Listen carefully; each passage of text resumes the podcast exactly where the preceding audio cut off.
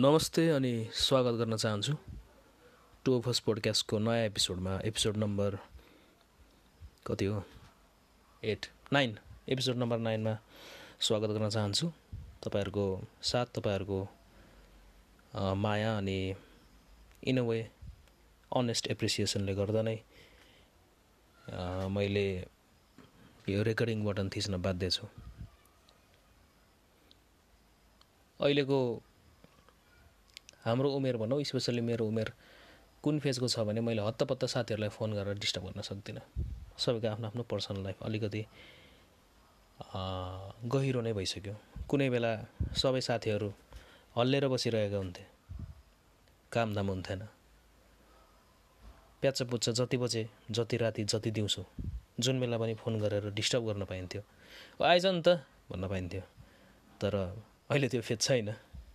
They are busy with their children maybe अफिसको काम होला। आफ्नो पर्सनल लाइफमा व्यस्त छन्। त्यो भएको हुँदा साथीहरूलाई हत्तपत्त डिस्टर्ब गर्न सक्दिनँ र लाइक वाइज तिनीहरूले पनि मलाई हत्तपत्त डिस- डिस्टर्ब गर्दैनन्। कहिलेकाहीँ अघोषित नै कुनै प्लानिङ नहुँदा कहिलेकाहीँ जमघट भेटघाट त्यो आफ्नो ठाउँमा हुन्छ। तर प्राय गफक गर्नलाई पनि प्लानिङ गर्नुपर्छ। र त्यस्तो फेजमा बसिरहँदा कहिलेकाहीँ अलिकति आफूले आफूलाई एक्लो महसुस गर्न बाध्य हुन्छु। र two of us podcast has been has been that platform जसले चाहिँ मलाई आफ्नो मनको कुराहरू पोख पोख्ने एउटा बाटो दिएको छ। र तपाईँहरूको फिडब्याक पाउँछु। You guys have been appreciating the content that I put out र खुसी लाग्छ। ए म जस्तै मेरो कुराहरूसँग मेल खाने साथीहरू पनि रहेछन् नि भन्ने मलाई महसुस हुन्छ। त्यो भएको हुँदा यतिकै एक्लै भए पनि बरबराउन खुसी लाग्छ रिफ्रेस्ड महसुस हुन्छ। ओके। बाई द वे त्यो अघि मैले यो सेसनको सुरुमा एउटा रेकर्डिङ राखेँ। त्यो रेकर्डिङ मेरो पुरानो रेकर्डिङ हो। पुरानो भन्नाले त्यति पुरानो त होइन तैपनि कपाल अफ इयर्स होइन एक वर्ष भयो कि? जे होस् त्यही रेन्जको पुरानो गीत हो त्यो मैले आफैले लेख्ने प्रयास गरेको गीत हो। मैले भर्खर भर्खरै गिटारको ओपन ट्युनिङ डिस्कभर गरेको थिएँ। Courtesy of mister Keith Richards from Rolling Stones. सधैँ स्ट्यान्डर्ड ट्युनिङमा गिटारहरू खेलाइरहँदा बजाइरहँदा अलिकति लिमिटेड महसुस भयो। हुन त म एकदमै स्ट्यान्डर्ड ट्युनिङको मास्टर भइसकेको होइन। म केही पनि होइन मलाई खासै बजाउनु केही पनि आउँदैन। आई डोन्ट नो थ्योरी मसँग मेरो म्युजिकल आर्सनलमा केही पनि छैन। तर तर पनि स्ट्यान्डर्ड ट्युनिङमा म बजाउँदा बजाउँदा अथवा पुरानै चिजहरू खेलिरहँदा मलाई अलिकति झ्याउल बोरिङ फिल भएको थियो र ओपन ट्युनिङका रोलिङ स्टोन्सको तिन चारवटा गीतहरू प्र्याक्टिस गर्न पुगेँ र स्पेसली ओपन जी ट्युनिङ भन्नु पर्ला। र ओपन जी जी ट्युनिङ भर्खर भर्खर डिस्कभर गरेको थिएँ अनि आई वाज फिडलिङ अराउन्ड मैले ओपन जी ट्युनिङमा कर्ड्सहरू कसरी बजाउने त भनेर आफैले नोट्सहरू थिचेर स्ट्यान्डर्ड ट्युनिङको कर्ड्स इमुलेट गर्दै थिएँ। अनि luckily G major C major seven अनि अनि अनि सी मेजर त्यसपछि के के छ हौ? एसेक्टा एसेक्टा चार पाँचवटा कर्ड चाहिँ मैले जसो तसो ओपन ट्युनिङमा बजाउन सक्ने भएँ केही दिनमा। र एक दिन बसेर त्यही ओपन कर्ड्स ओपन ट्युनिङमा कर्ड्सहरू बजाइरहेको थिएँ अनि आई केम अप विथ एउटा प्रोग्रेसन कर्ड प्रोग्रेसन आयो। अनि मसँग त्यति बेला शब्दहरू पनि केही थिएन। बजाउँदै थिएँ गुनगुनाइरहेको थिएँ। मलाई पिङ्क फ्लोइडको ग्रिन इज द कलर भन्ने गीत याद आयो। र ग्रिन इज द कलरको भाइब मलाई एकदमै मनपर्छ। अलिकति मेलो छ अलिकति ग्लुमी छ। र सम्भवतः रोजर वाटर्सको भोइस होला कि डेभिड गिलमरको आई डोन्ट नो जे होस् सिङ्गरको चाहिँ भोइस मिठो छ। Nothing rushed nothing forced feels like अब आँखा चिम्म गरेर आफ्नै सुरमा आनन्दले सोफामा पल्टिएर गीत गाएको जस्तो भाइब्स त्यो भोकलमा पाइन्छ नि। तपाईँहरूले सुन्नुभएको छैन भने सुन्नु होला। ग्रिन इज द कलर गीतको टाइटल र मलाई त्यही भाइब्स मनपर्छ र मलाई त्यस्तै भाइब्सको त्यस्तै फिलिङको गीतहरू लेखेर लेख्न मन लाग्थ्यो। र मैले अघि भने जस्तै त्यही कट प्रोग्रेसनमा मैले गीत अथवा शब्दहरू छिराउन खोजेँ। र सरप्राइजिङली मैले ग्रिन भन्ने शब्दबाटै गीत सुरु गर्छु। र पिङ्क फ्लोइडको गीत पनि ग्रिन इज द कलर त्यहाँ पनि ग्रिन नै छ टाइटलमा र रेकर्डिङ अलिकति पुरानो मोबाइलमा गरेको हुँदा त्यहाँ मल्टिट्र्याक केही पनि छैन। मैले अघिको रेकर्डिङ खेसराको रूपमै सेभ गरेको छु त्यो खेसरा नै हो मास्टरिङ मिक्सिङ केही पनि भएको छैन।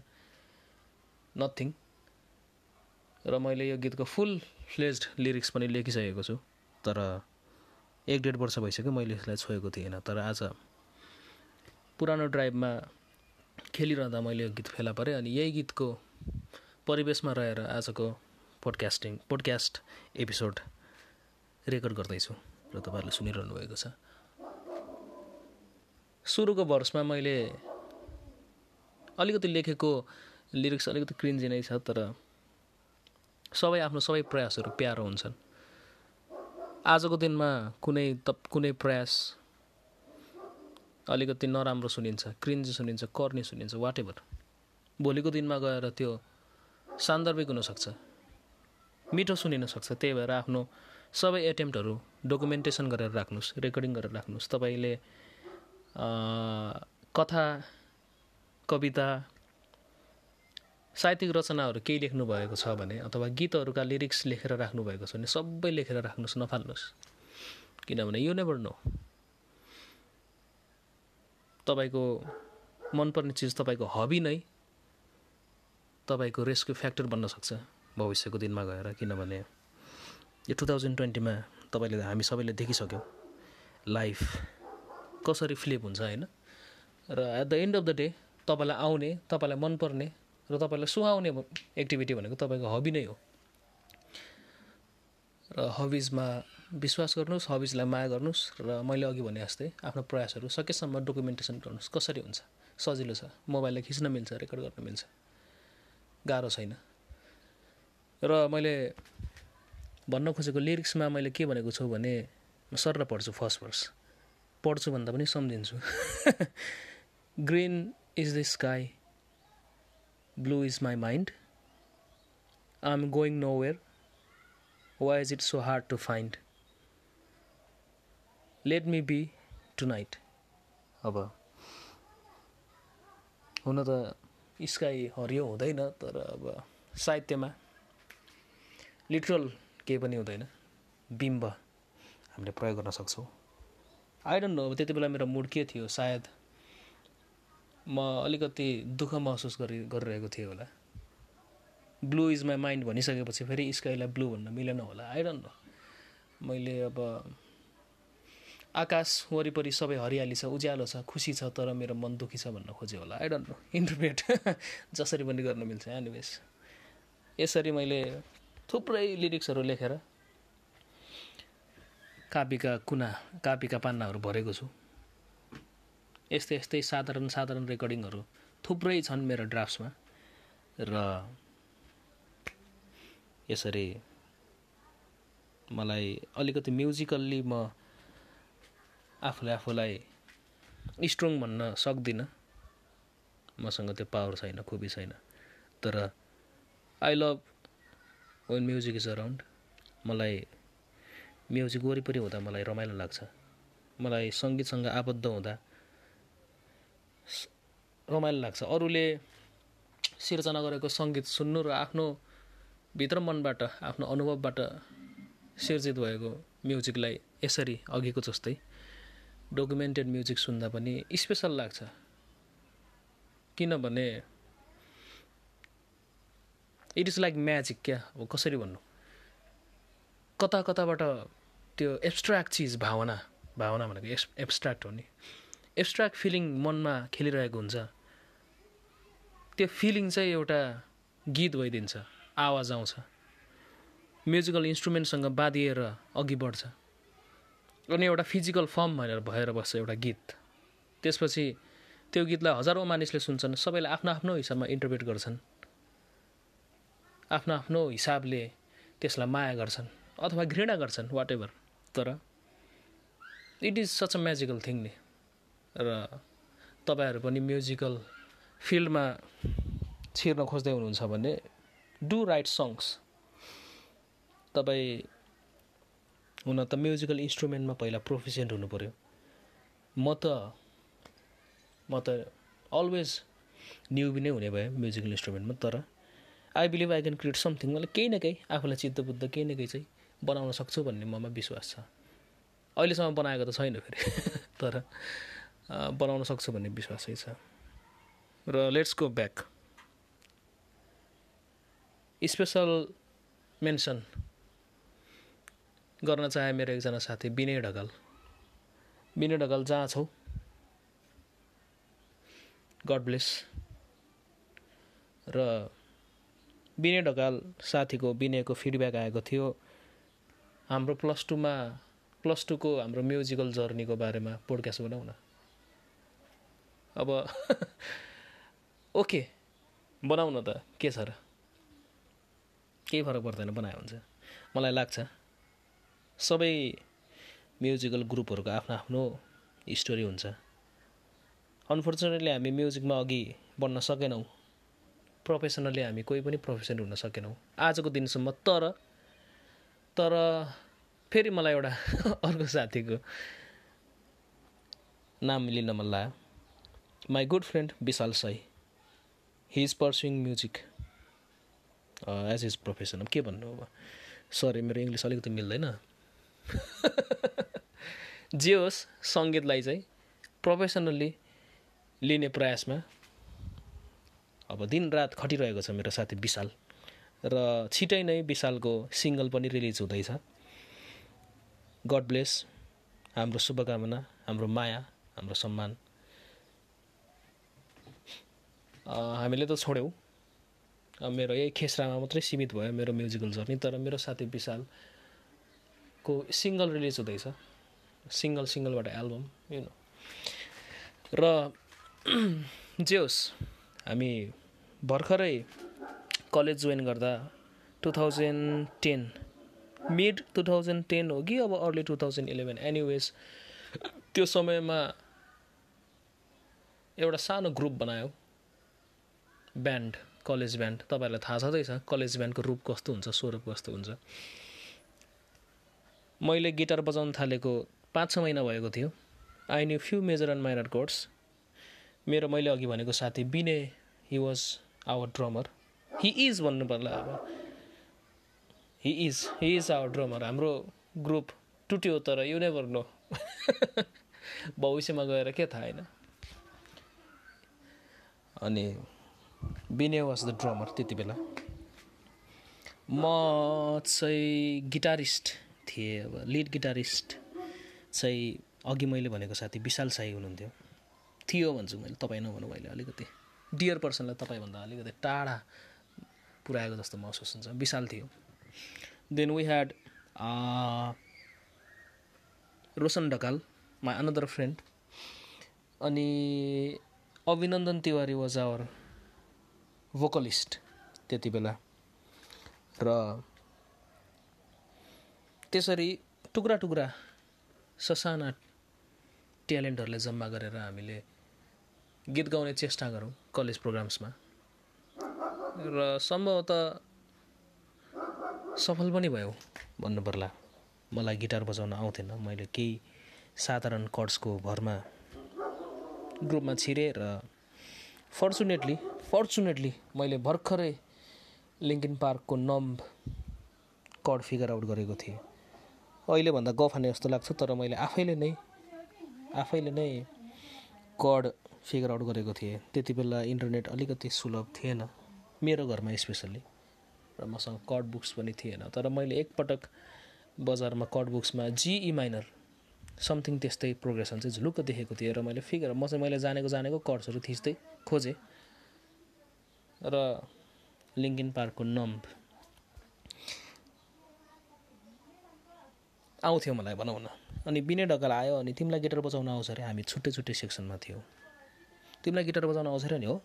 ए आस्क आउँछ। आउँछ जस्तै लाग्थ्यो मलाई त्यति बेला। अहिले चाहिँ मलाई केही आउँदैन जस्तो लाग्छ। आई डोन्ट नो त्यति बेलाको यङ ब्लड अनि लिङ्किन पार्कको नम्बर आउँछ? हेल या आउँछ। जिइमाई टी वडेभर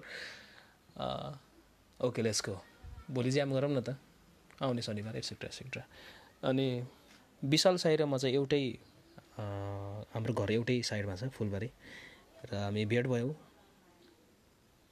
इन्डियन गिटार्समा प्र्याक्टिस गर्न थाल्यौँ। र सेट लिस्ट भयो। मलाई आइएम एक्सट्रिमली सरी मलाई त्यो सेट लिस्ट केही पनि याद छैन।